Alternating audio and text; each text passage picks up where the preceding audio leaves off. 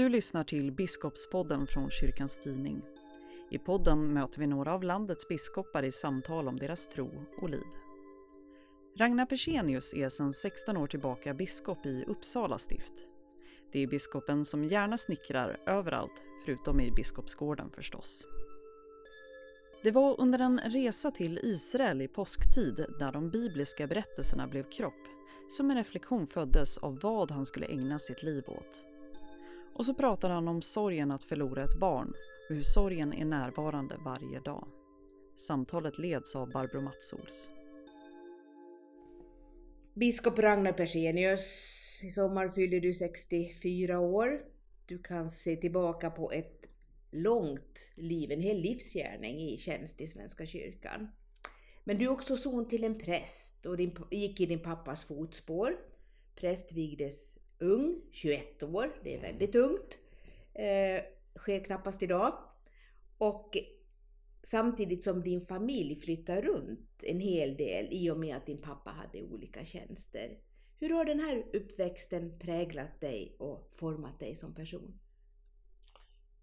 Präster flyttar ju ofta ganska mycket och det påverkar ju hela familjen. Eh, jag, efter ett år i, som nyfödd i Uppsala så kom jag då vid ett års ålder till Härjedalen eh, och sen till Jämtland och där bodde vi på sammanlagt fyra platser innan, eh, innan jag blev 16 år. Så det är klart det blev en viss rotlöshet mm. i det där. Eh, som jag tror präglade mig mera i unga år. Eh, annars var det väl just att, att vara barn till en präst som satte djupare spår. Berätta, hur? Var det en utsatt position att vara prästunge, eller? Ja, det, det tycker jag faktiskt. Eh, jag har sagt det i någon intervju att, eh, att jag fick egentligen inte någon riktigt positiv bild av att vara präst. Jag upplevde som barn att det, det verkar vara en ensam roll. Man jobbar ju då ofta utan eh, medarbetare. Jag upplevde att också i skolan att det var jobbigt för rätt många prästbarn. Även jag blev utsatt men jag har inte haft, jag har inte farit illa av just det. Jag får nog, får nog mer illa av att höra kommentarer och, och se andra prästbarn. Retades de? Ja, men jag klev ju aldrig undan själv så att, jag for, så att det, det, hade jag en fördel. Det var inte så roligt att reta mig. Vad gjorde du då? Ja, jag kunde ju käfta emot. Mm. Eller jag kunde slåss om det mm. behövdes. Tog fram knytnävarna? Ja, inte direkt eh, knytnäven rakt i ansiktet men lite brottningskamp och jag var ganska stark så att jag klarade mig bra. Mm, mm. Rotlösheten och det här att flytta runt och hur, hur, hur var det att, att slå ner förlåt, bopålarna och nya klasskamrater och så skulle du lämna dem och skolan och vännerna bakom dig. Alltså det var dubbelt det där. Å ena sidan så, så tyckte jag det var spännande med nya miljöer. Det har jag alltid tyckt och särskilt när jag var yngre. Eh, så att, eh, och det var en ny bostad och ny skola, nytt samhälle, nya kamrater. På det viset. Eh, nej, jag tror att det är på ett annat plan som det har satt spår då. Alltså det här, vad är hemma?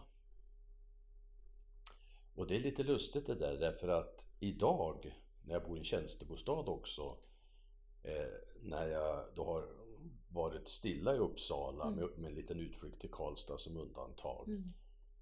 så, så men ändå bytt bostäder och sådär så kommer jag ofta på att det är mitt fritidshus där jag är hemma. Och jag tror, tror jag är det för många som flyttar runt. Det mm. får en väldigt det blir en samlingspunkt, inte bara för vår familj utan vänner och andra. Mm, mm. Och det är där du spikar och snickrar och sågar? Och... Ja, det gör jag nog nästan överallt där jag är utom i Biskopsgården. Du gör det? är det ett sätt att få ur energin eller Nej, vad jag... betyder det för dig? Ja, ja alltså dels tycker jag det är väldigt avkopplande. Eh, och sen tycker jag om att jobba med händerna.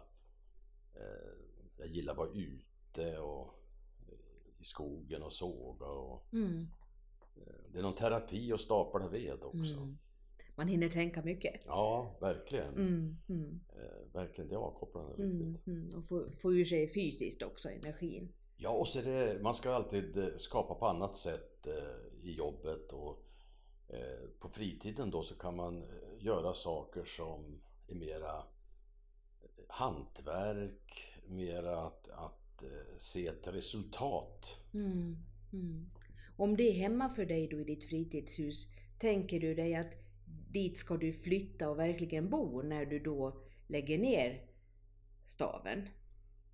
Jag kommer att vara väldigt mycket där men det, vi, vi skaffade det precis när jag hade blivit biskop så att eh, det är nog ändå så att Uppsala med omnejd är hembygd idag. Mm, mm. Så du kommer att finnas kvar i den här hembygden? Ja, vi har, vi Ja. har alltså en, en bostad som är Mm. uthyrd också i Uppsala. Ja, ja. Men det är märkligt hur, hur de gamla rötterna, jag kom ju till Uppsala då till Fjällstedtskolan när jag var 16 år och gick på Mm. gymnasium där. Eh, och i början då så var det ju roligt att ständigt som jag sa byta miljöer och Mm. resa har jag alltid gillat och sådär.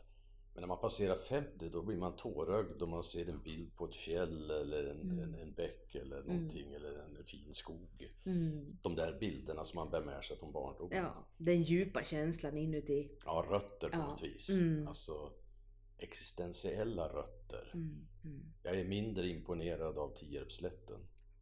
Jag delar din uppfattning där. du, vad har din pappa betytt för dig då? Som präst och som förebild kanske? Lär, lär, lärde du dig att se på prästens arbete genom närheten till din pappa? Att, att, Nej, det tror jag inte. Nej. Nej. Och jag var heller inte inriktad på att bli präst Nej. heller för den delen. Mm. Alltså det jag med, bär med mig nog mera det är en, en kunskap, eh, eh, vissa erfarenheter. Jag var med honom eh, ute i byar och eh, på församlingsaftnar och det, alltså det finns en del sådana typer av upplevelser. Jag kommer ihåg hur han agerade och så. Nej, alltså eh, det jag tror jag mest bär med mig det, det är alltså, han var ju utomordentligt bibelkunnig och hade någon form av helhetssyn på kristen tro. Kom ju ur en lågkyrklig bakgrund, eh, kunde Luther bra och kunde Rosenius bra. Han var inte med i EFS, han hade varit det i sin barndom, han var resesekreterare som ung präst i, i det Ungas förbund och for Mm. land och rike runt.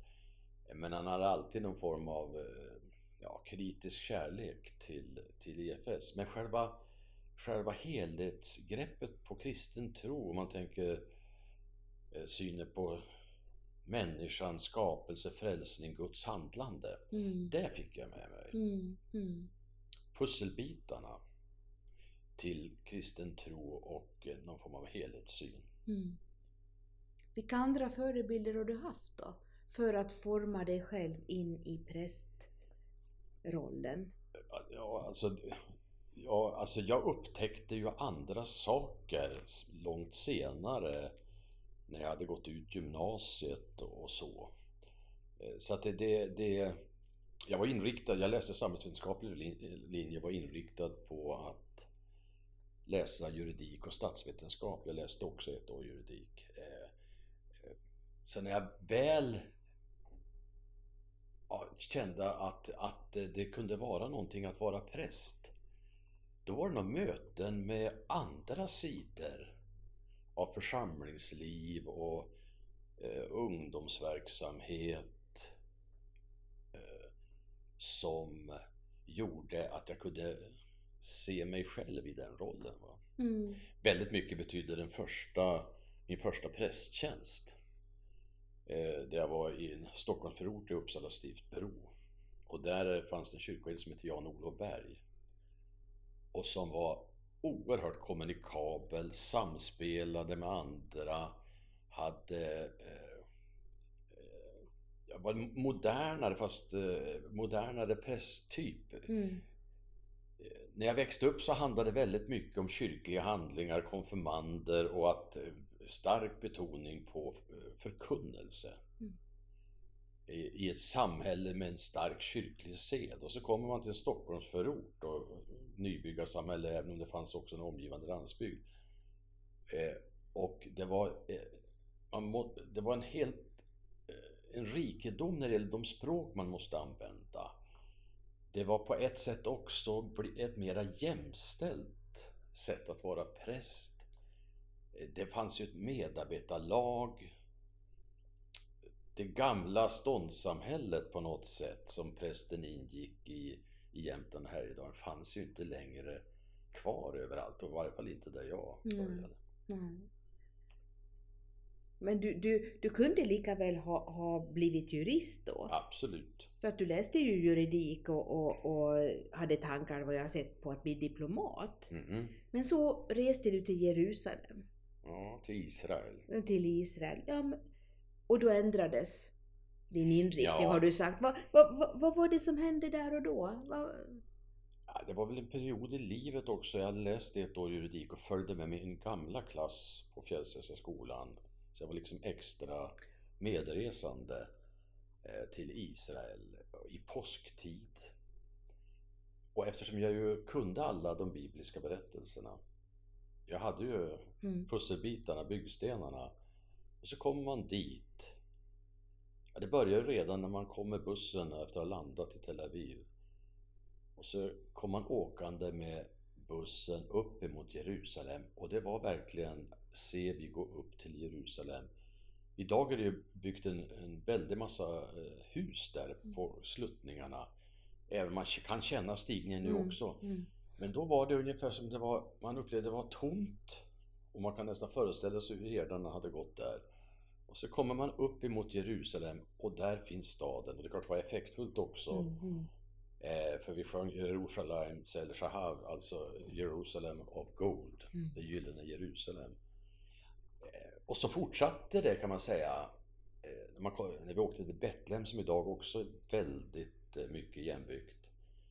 Då var det, när man kom på vägen till själva Betlehem, då gick det en herde med får där.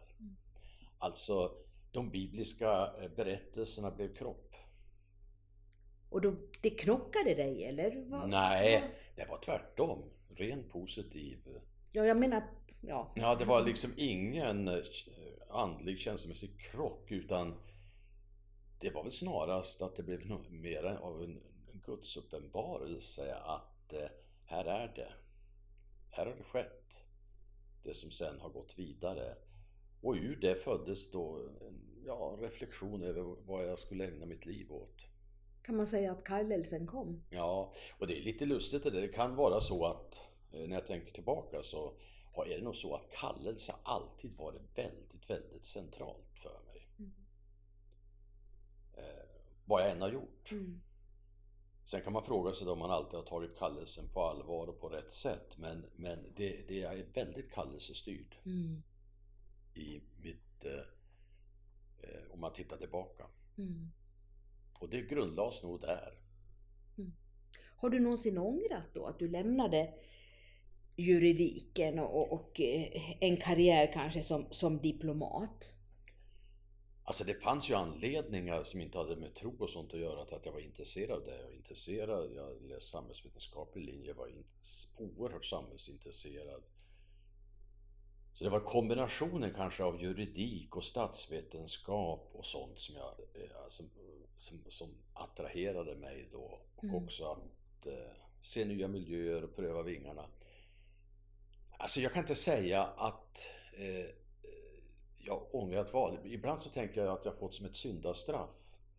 Att allt för mycket fått hålla på med eh, kyrkoordningstexter och lagstiftning och sånt. Och man, du fick din beskärda del. Ja, något. Och dessutom eh, är det svårt att komma undan det också. Eh, och det blir lite lustigt där, för man, i det här eh, arbetet som biskop så får man ju oerhört med projiceringar på sig. Mm. Man identifieras med både det ena och det andra och man får vara tacksam om man känner igen något. Och medan min egen bild är ju att det jag jobbat mest med är kyrkosyn, forskat, jag har jobbat med eh, eh, dop, nattvard, ämbete, eh, ekumeniska dialoger och innehållsfrågor. Mm. Men jag är så kraftigt förknippad med andra. Så det är, ju, det är ju lite lustigt att när jag då låter bli att läsa vidare på juridik så jag fått hålla på med kyrkorätt så till en milda grad. Verkligen. Ja, ångra. Jag, tror, jag har sett till hur det var i olika skeden. Det finns en del som man kan ångra personligt, det är relationsmässigt och så vidare. Men, men jag ångrar inte mina val. Men jag är inte bombsäker på att jag skulle göra samma val. Så det finns ett litet frö. Man, ja, men det har väl att göra med att man börjar närma sig pensionen. Ja. Då måste man ändå fundera. Mm. Om jag var den jag var då och med de förutsättningar som fanns där och vad jag såg och upplevde så gjorde jag rätt val. Mm. Skulle jag som den jag var då nu göra samma val? Sånt kan man meditera över och det finns nog inget svar på en sån fråga. Men det finns frågetecken. Ja, det gör det. Du har sagt om dig själv att du är både blyg och komplex. Att eh, Jag vet inte, har jag sagt att jag är komplex? Blyg, Ja, blyg ja. har jag definitivt eh, du, du har sagt att du är, du är både mer blyg och komplex än du syns vara. Ja, det är ju verkligen sant i och för sig. Men, men, men särskilt eh, blyg är definitivt eh, ett grundläggande drag hos mig. Och det, det, jag har sagt det till välbekanta, de tror ju inte på mig. Va? Men eh, jag vet. Jag kan ta som ett exempel. Jag läste ju samhällsvetenskaplig linje på Fjällstedtska då och satt där mycket tillbakalutad i morgonböner och alla andra andliga sammanhang. Och eh, jag vet inte om det var en föraning som sen skedde i Israel. Va? Då var det något ljushuvud som kom på det att de skulle be mig att hålla en morgonbön. Och jag tänkte, nej, det där borde jag inte göra. Ah, men jag, de lyckas övertala mig och jag, och jag klarar inte av att genomföra den. Inte av innehållsliga skäl utan helt enkelt jag tyckte det var så obehagligt att stå offentligt och leda en morgonbön i bönsalen på Fjällstedtska skolan. Så jag avbröt det mitt i och sen tog jag en promenad ut till Gamla Uppsala. Jag, nej, jag har nog, eh, i och med att jag ändå inte kliver undan så, så har jag nog tränat mig. Och dölja din blyghet då. Jag dölja, Eller hantera eh, den. hantera den, eh, Ja. eh, och det måste man ju kunna också som offentlighetsperson. Eh, Men jag, jag är rätt mån om min integritet. Mm. Men kan, kan du än idag då känna blyghet? Ja, Vad är det som får dig att känna blygheten då? ja, vissa sammanhang eh, kan trigga igång det. Och, och, och, eh, eh, men jag är ju så att eh, är jag tjänsten och jag jobbar med människor då är jag helt närvarande. Mm. Men när jag inte är det, då är jag helst i tystnad. Ensam.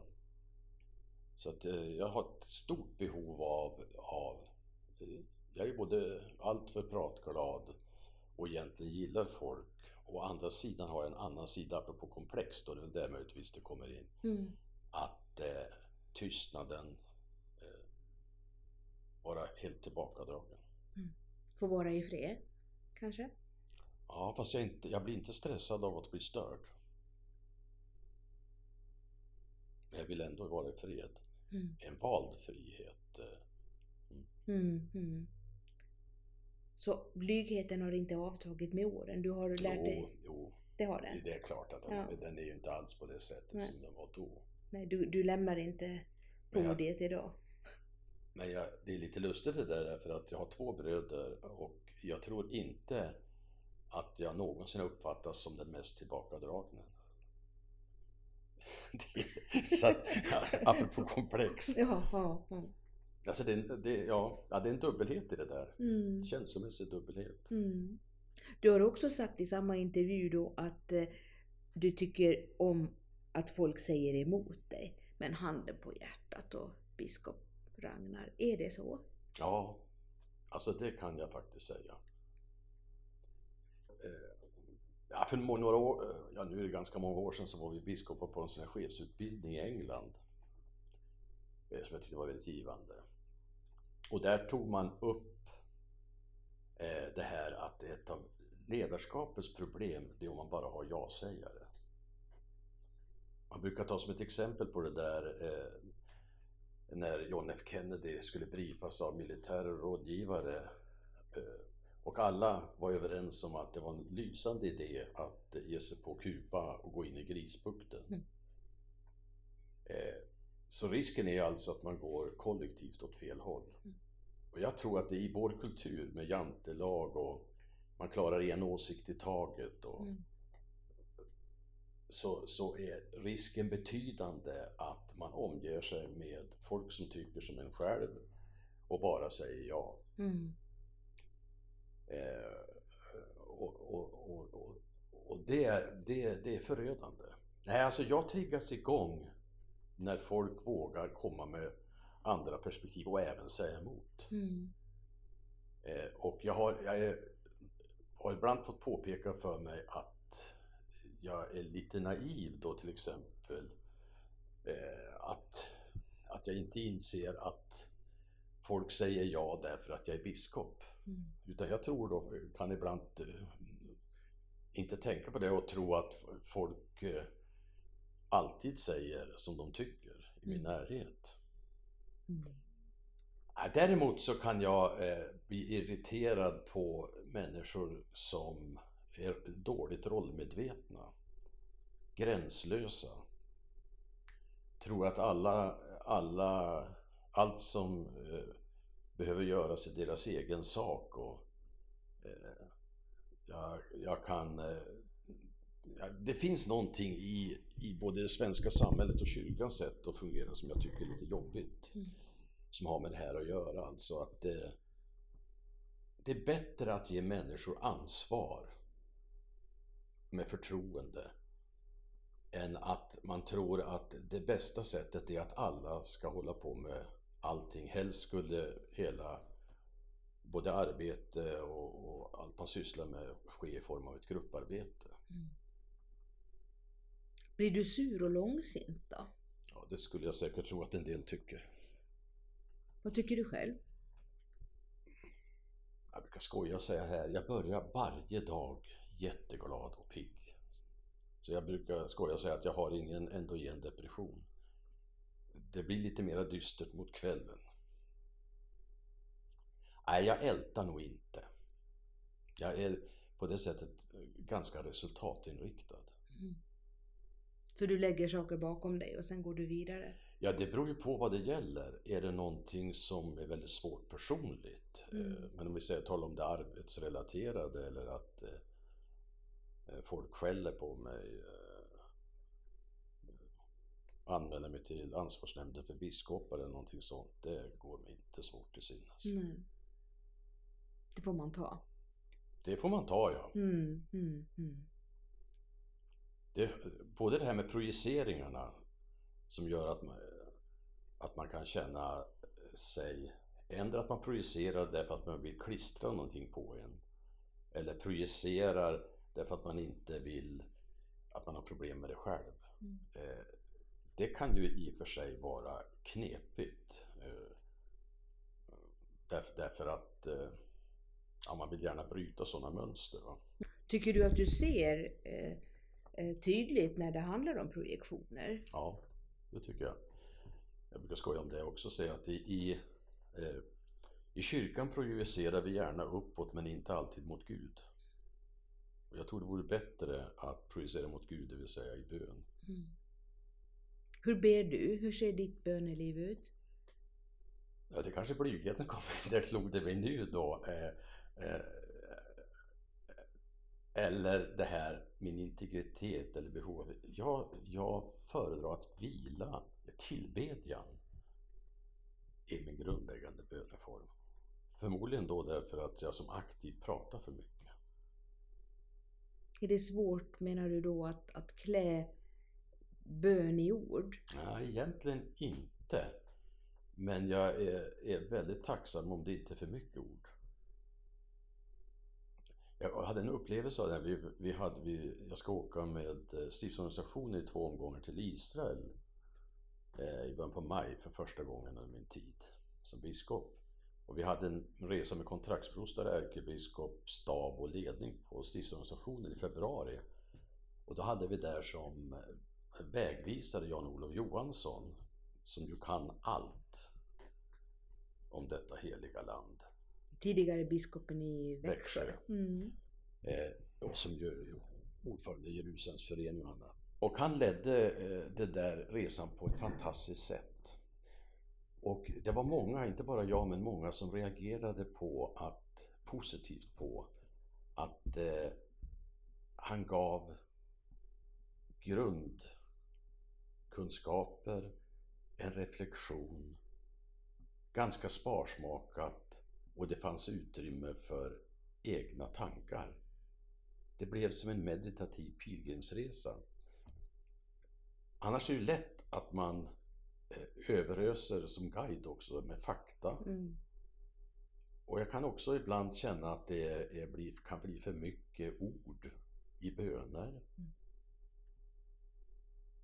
Så att det blir svårt för de som blir med eller lyssnar till bönen att identifiera sig och få ett eget eh, utrymme i den kollektiva bönen. Mm. Så tillbedjan, att vara inför Gud i någon form av bön. Att vara inför Gud, ja det, det är just det. Mm. Våga stanna också inför Gud kanske? Ja, och det är ju lättare numera när mitt tempo inte är så högt som det alltid har varit. Mm. Mm. Du har ju sagt, skrivit om Svenska kyrkan att den lider av en inre sekularisering och att den kyrkliga seden är bruten. Det är frågor som du brukar ta upp lite nu och då. Och samtidigt så har du också sagt och skrivit att det finns en törst efter andlig näring och fördjupning. Mm. Eh, var ser du den längtan och den, efter den törsten? Och hur, hur går det här ihop? Det är ju två väldigt eh, bilder som skaver mot varandra. Ja, egentligen har jag flera bilder där.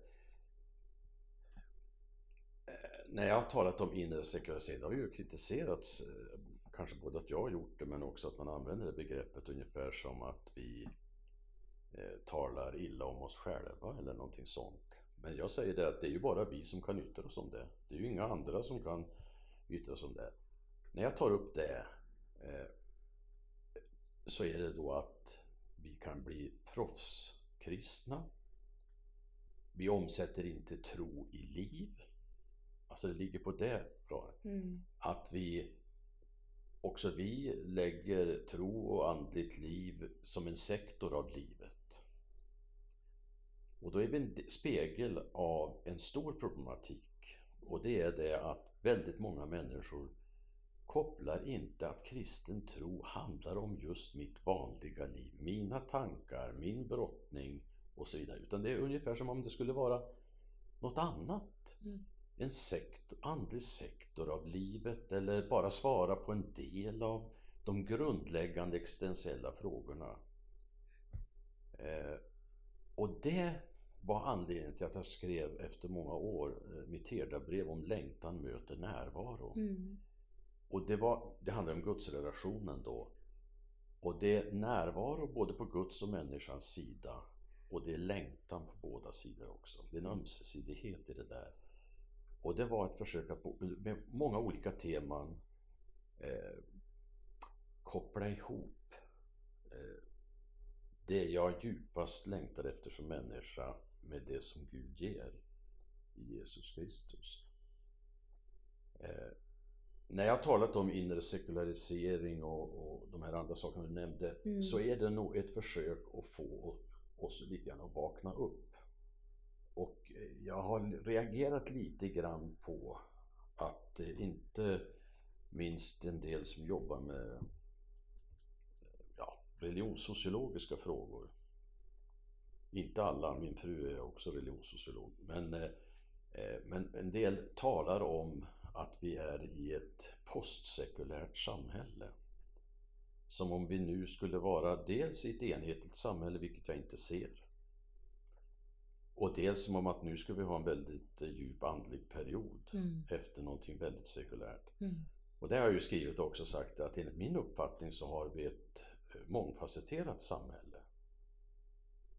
Eh, där det finns en del, märkligt nog rätt mycket av, av i kulturliv och även i politiska, många kända personer också som, som uppenbart eh, håller på med någon återupptäckt av religionen och även av kristen tro. Mm. Mm. Sen finns det vissa delar av samhället, till exempel en ungs, ungdomsgeneration som man inte kan tala om varken som någonting annat, ja inte som någonting annat än helt enkelt en sekulariserad, Mm.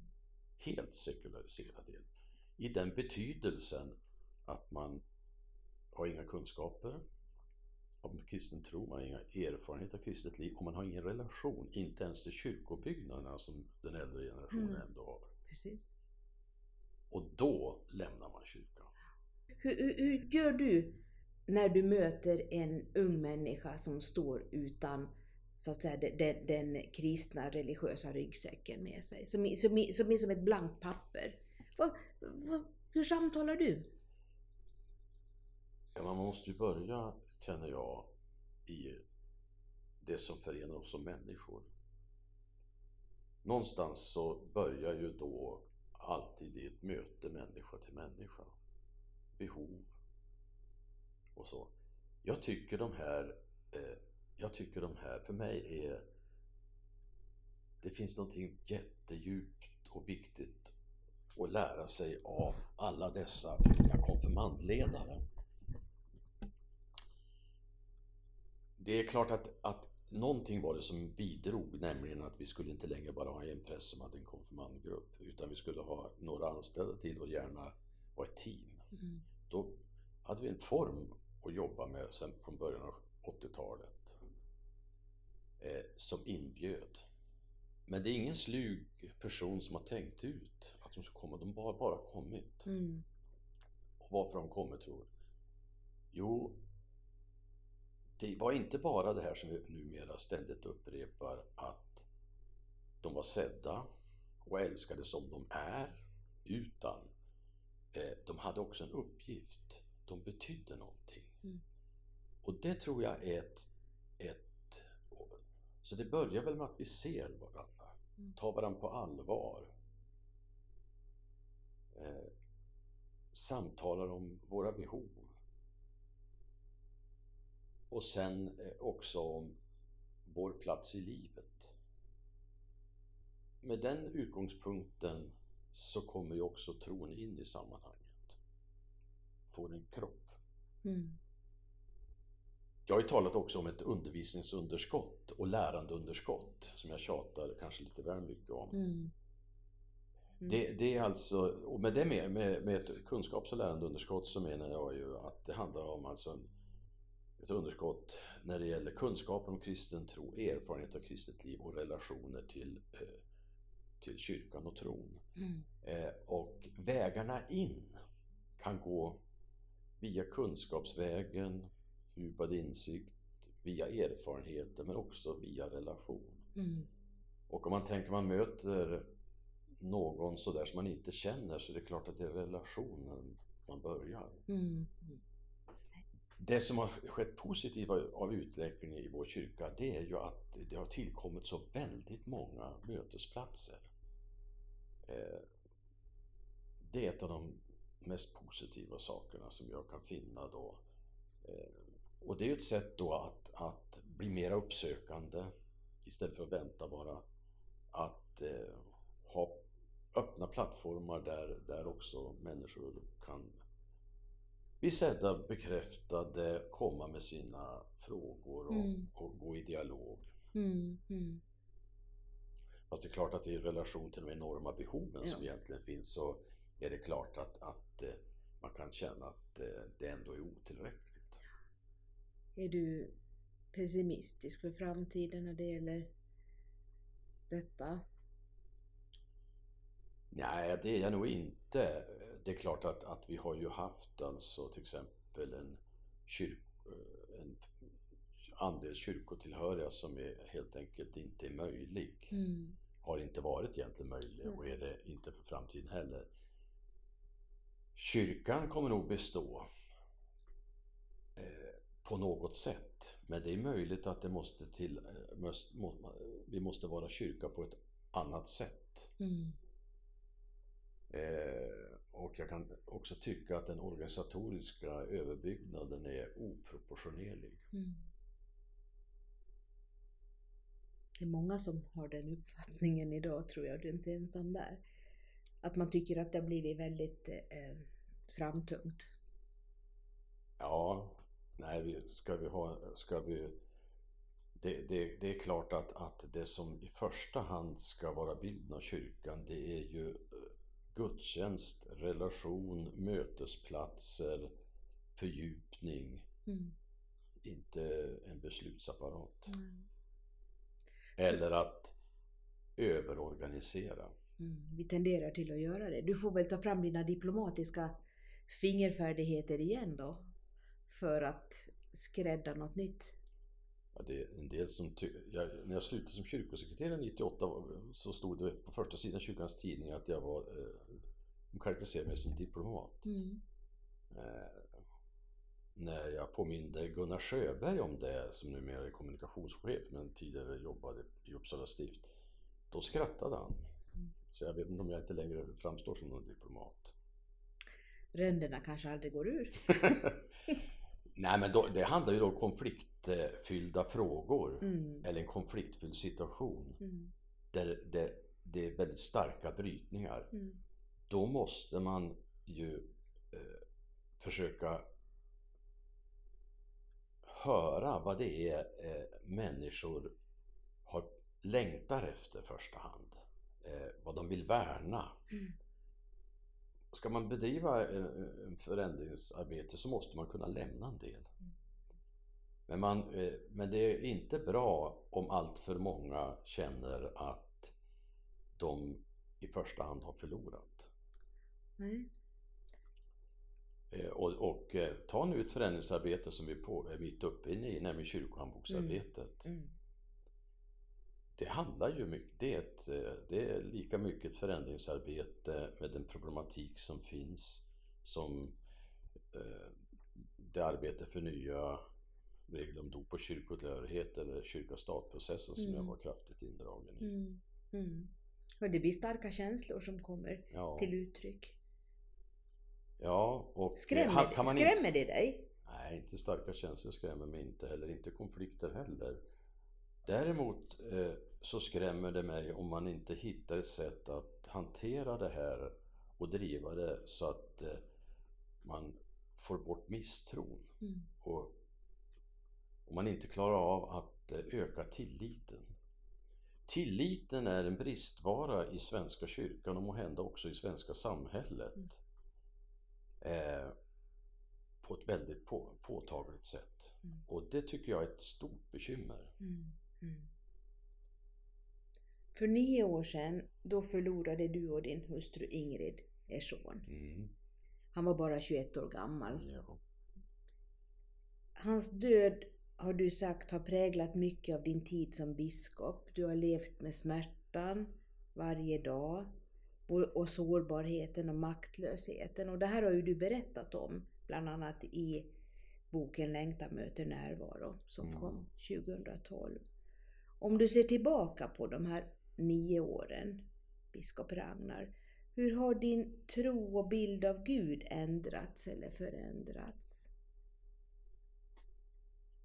ja, jag tänker ibland på att jag har varit biskop i 16 år nu. Mm. Och bara sju av dem eh, med honom i livet. Mm. Nej, det, var, det är inte bara de här nio åren utan det är hela tiden. Det är alltså en, att leva med eh, ett barn som inte mår bra, som är sjukt också.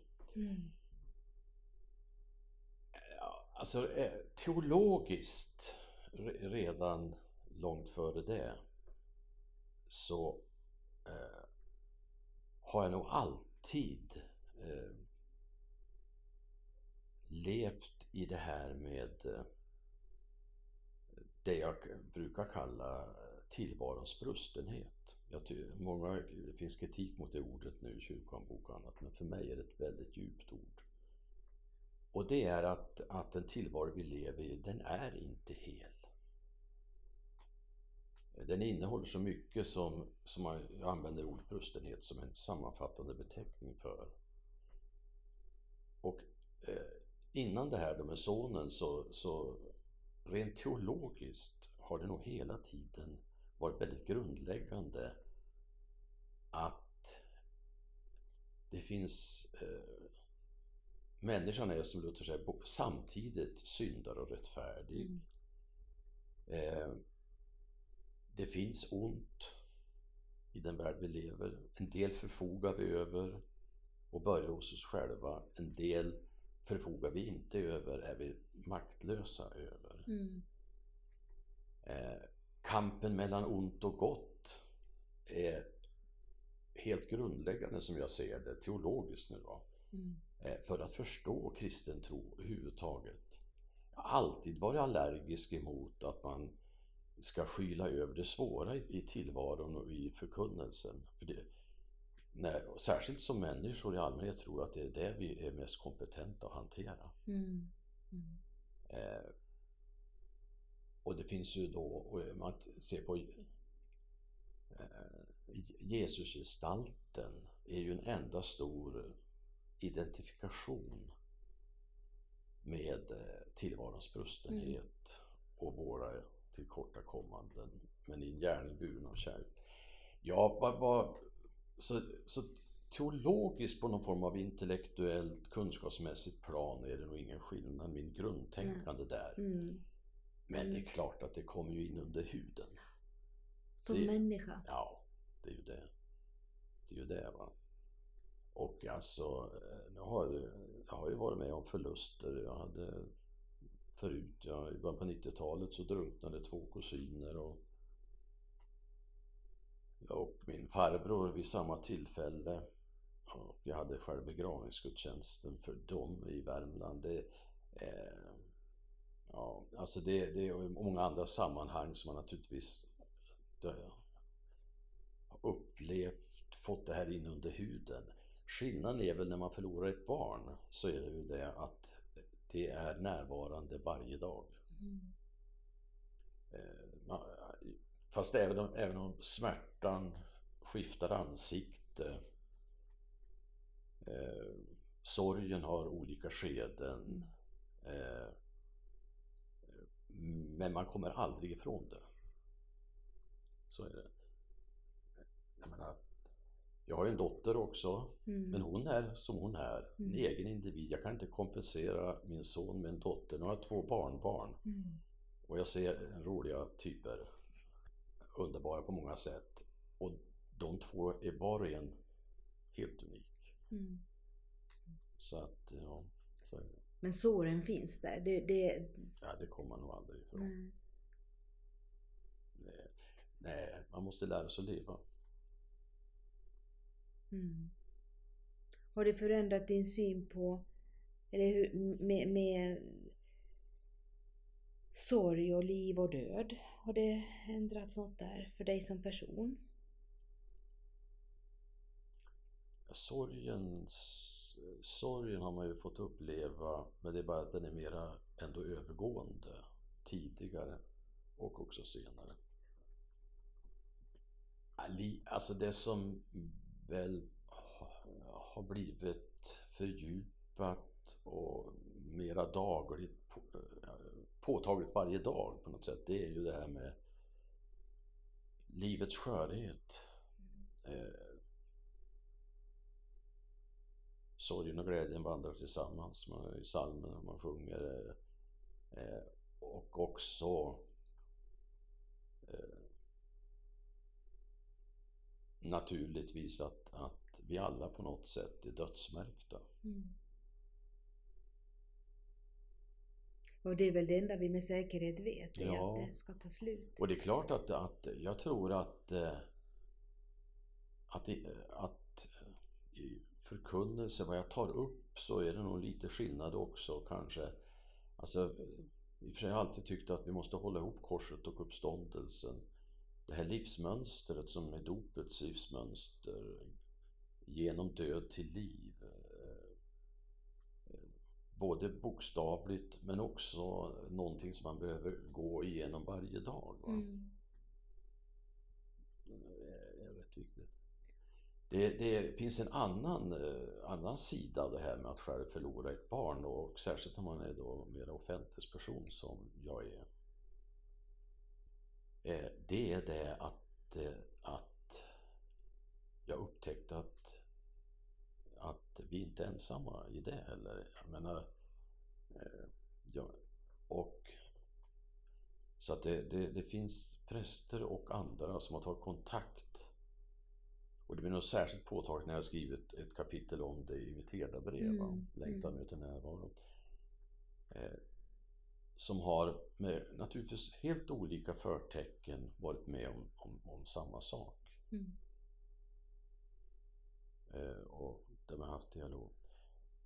Sen spelar det ju också för mig en viss roll att eh, eh bara några dagar efter att eh, vår son gick bort så förlorade Esbjörn Hagberg sin dotter. Så det är precis eh, samtida.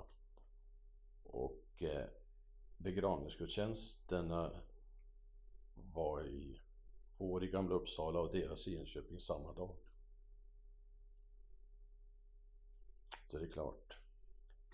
Eh, och med honom så, så vi, vi det finns eh, det mest påtagliga Eh, efter det där det var hur, man upp, hur jag upptäckte att liturgiska texter förändrade innehåll.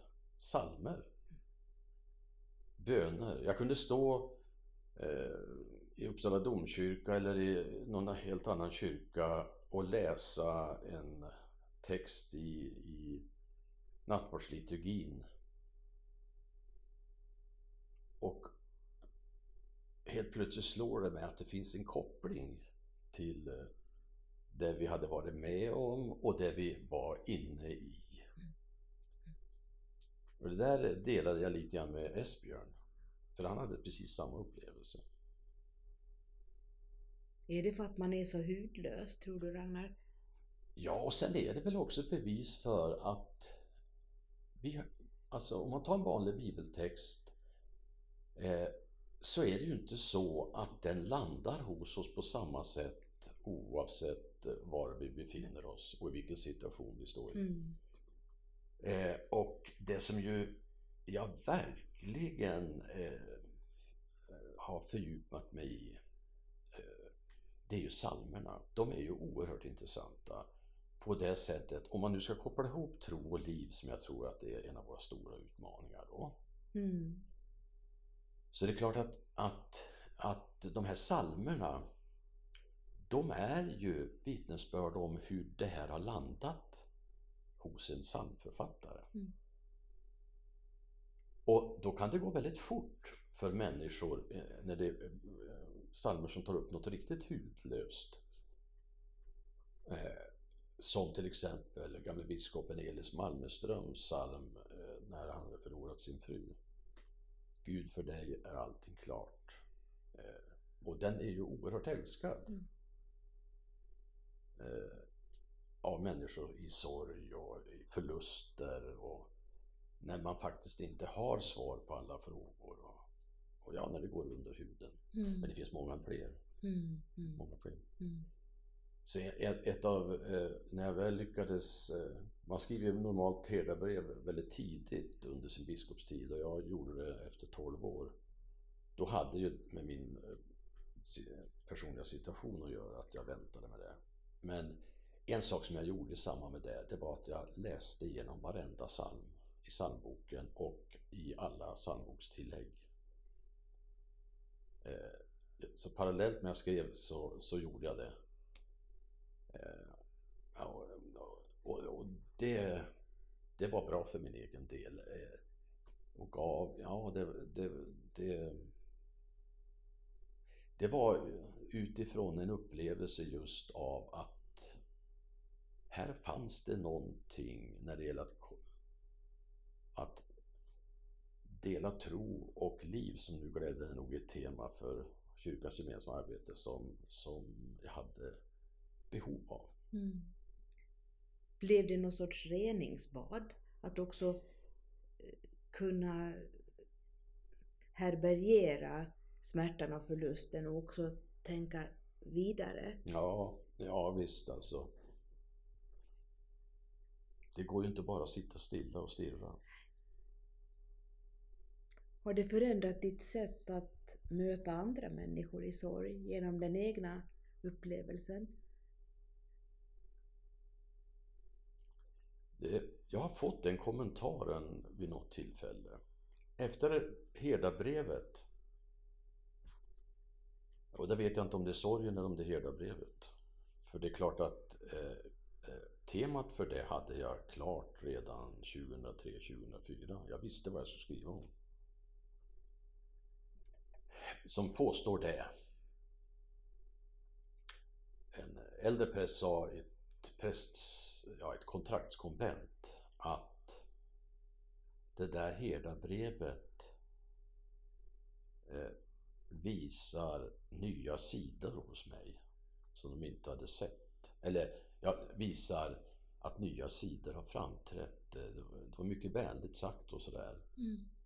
Eh, och ja... Och för, ja, jag uppfattar det så också som att eh,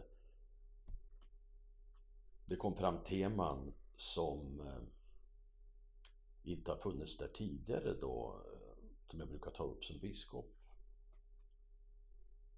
Eh, det där är jag inte riktigt bekväm med. Jag, jag förstår mycket väl att, för det är ju skrivet på ett sätt som jag inte brukar skriva texter. Det var ju, det var ju alltså att det är en utgångspunkt i ett bibelord, i en psalm, personligt reflektera. Så jag kan förstå att man upptäcker andra sidor. Men jag kände det, eh, de här, som jag sa, de här grundfrågorna, de har jag burit med mig ända sedan, ja, ända sedan jag åkte till Israel mm. 71. Men har, har de dolts bakom ditt idoga arbete med, med så att säga, kyrkobyråkratiska frågor? ja, men jag blev biskop 2000. Mm. Eh, och eh, jag har primärt varit ute i församlingar, det är det jag prioriterat. En del kanske trodde att jag skulle ägna mig åt att eh, åka på teologiska konferenser, ekumeniska dialoger internationellt eller någonting sånt. Mm. Men anledningen till att jag sa att jag längtade tillbaka till det pastorala, därför sa jag ja till att bli biskop. Och jag försökte att ägna mig så lite åt det kyrkobyråkratiska och eh, kyrkorättsliga som det går. Fast jag har inte lyckats helt kan man ju säga. Mm. Jag har suttit med i någon utredning för mycket. Ja. Även som biskop. Mm. Nej, det här är för mig, det är det. Jag, det är för mig att vi skaffar oss en bild av en människa. Mm. Och den blir ofta väldigt statisk. Jag har tydligen något jätte och i en tid där image på ett irriterande sätt, det finns ju också, har jag skrivit också om Hedebred, på något sätt ytan, man tror att det är lika med personen. Mm. Och jag har själv, både bland biskopskollegor, i människor jag mött, frapperats över att en människa är så flerdimensionell. Mm. Men du ser bara en bild ju. Ja, och de kan vara olika beroende på vilken person det är. Och det mm. här med mm. projicering kommer in. Mm. Och i vår tid där bilder är, det, är ofta viktigare än orden så ja. tål, det, tål det att tänka på. Och, sen, och det här hör ju då till... Eh, och det, här, det, här, det är viktigt att inte allting blir bara kommunikationsformer eh, och, och Eh, varumärkesstrategier utan att det hela tiden finns ett innehåll. Mm. Den här tendensen till att man säger ibland i vissa eh, i partier kan man säga så här att det är inget fel på vårt eh, partiprogram och vårt innehåll utan det handlar helt enkelt om hur vi kommunicerar det. Mm, mm. Eller att partiledaren förmår inte, mm. har inte rätt image. Mm. Och det är den här tanken alltså att eh, fungerar det inte, då är det bara att eh, göra om imagen. Mm. Snygga upp fasaden. Mm. Använda andra eh, kommunikationsmetoder. Eh, och jag tycker det är ett oerhört manipulativt drag i detta som håller på att bli en del av vår kultur. Mm. Det är en del av vår kultur skulle jag vilja säga. Ja visst är det det. Mm, Och vi är allt för mycket en spegling Mm. av det. Mm. Men jag, jag tänker också på, på det här med att, med att vi gör en podd, du, vi samtalar med varann. Då kommer det också förhoppningsvis fram en så att säga, människa bakom rollen, bakom uppdraget. Att det blir, att det blir mera mänskligt. Du, du, du berättar om, om, om dina förluster, du berättar om sånt som är djupt mänskligt som många kan dela och identifiera sig med. Jag tänker, är, är det inte väldigt viktigt i vår tid? Att våga bjuda på sig själv lite mera, med integritet. Ja, alltså, det är både och det där ju. Det finns ju en del som har det där som varumärke också. Mm. Mm. Eh, alltså, det är klart att det är väldigt viktigt att dela och efterfråga hos en själv och de man möter Mm. att det, vad det finns på djupet Mm. av känslor, tankar, värderingar, hopp, förhoppningar. Mm. Och, och det är nog riktigt att det, det behövs att det, det behövs mer av det. Eh, det, det som det som man kan undra över det är att det, det, ibland i vår kultur så verkar det som att om man har eh, hittat hur en människa ser ut, klär sig och säger då känner man människan. Och det gör man inte. Så eh, en människa ju, har ju alltid många djup. Och ytterst är det ingen som kan fånga in en annan människa identitet. Tack så mycket biskop Ragnar Persenius för att du ville samtala med mig om de här frågorna. Tack själv.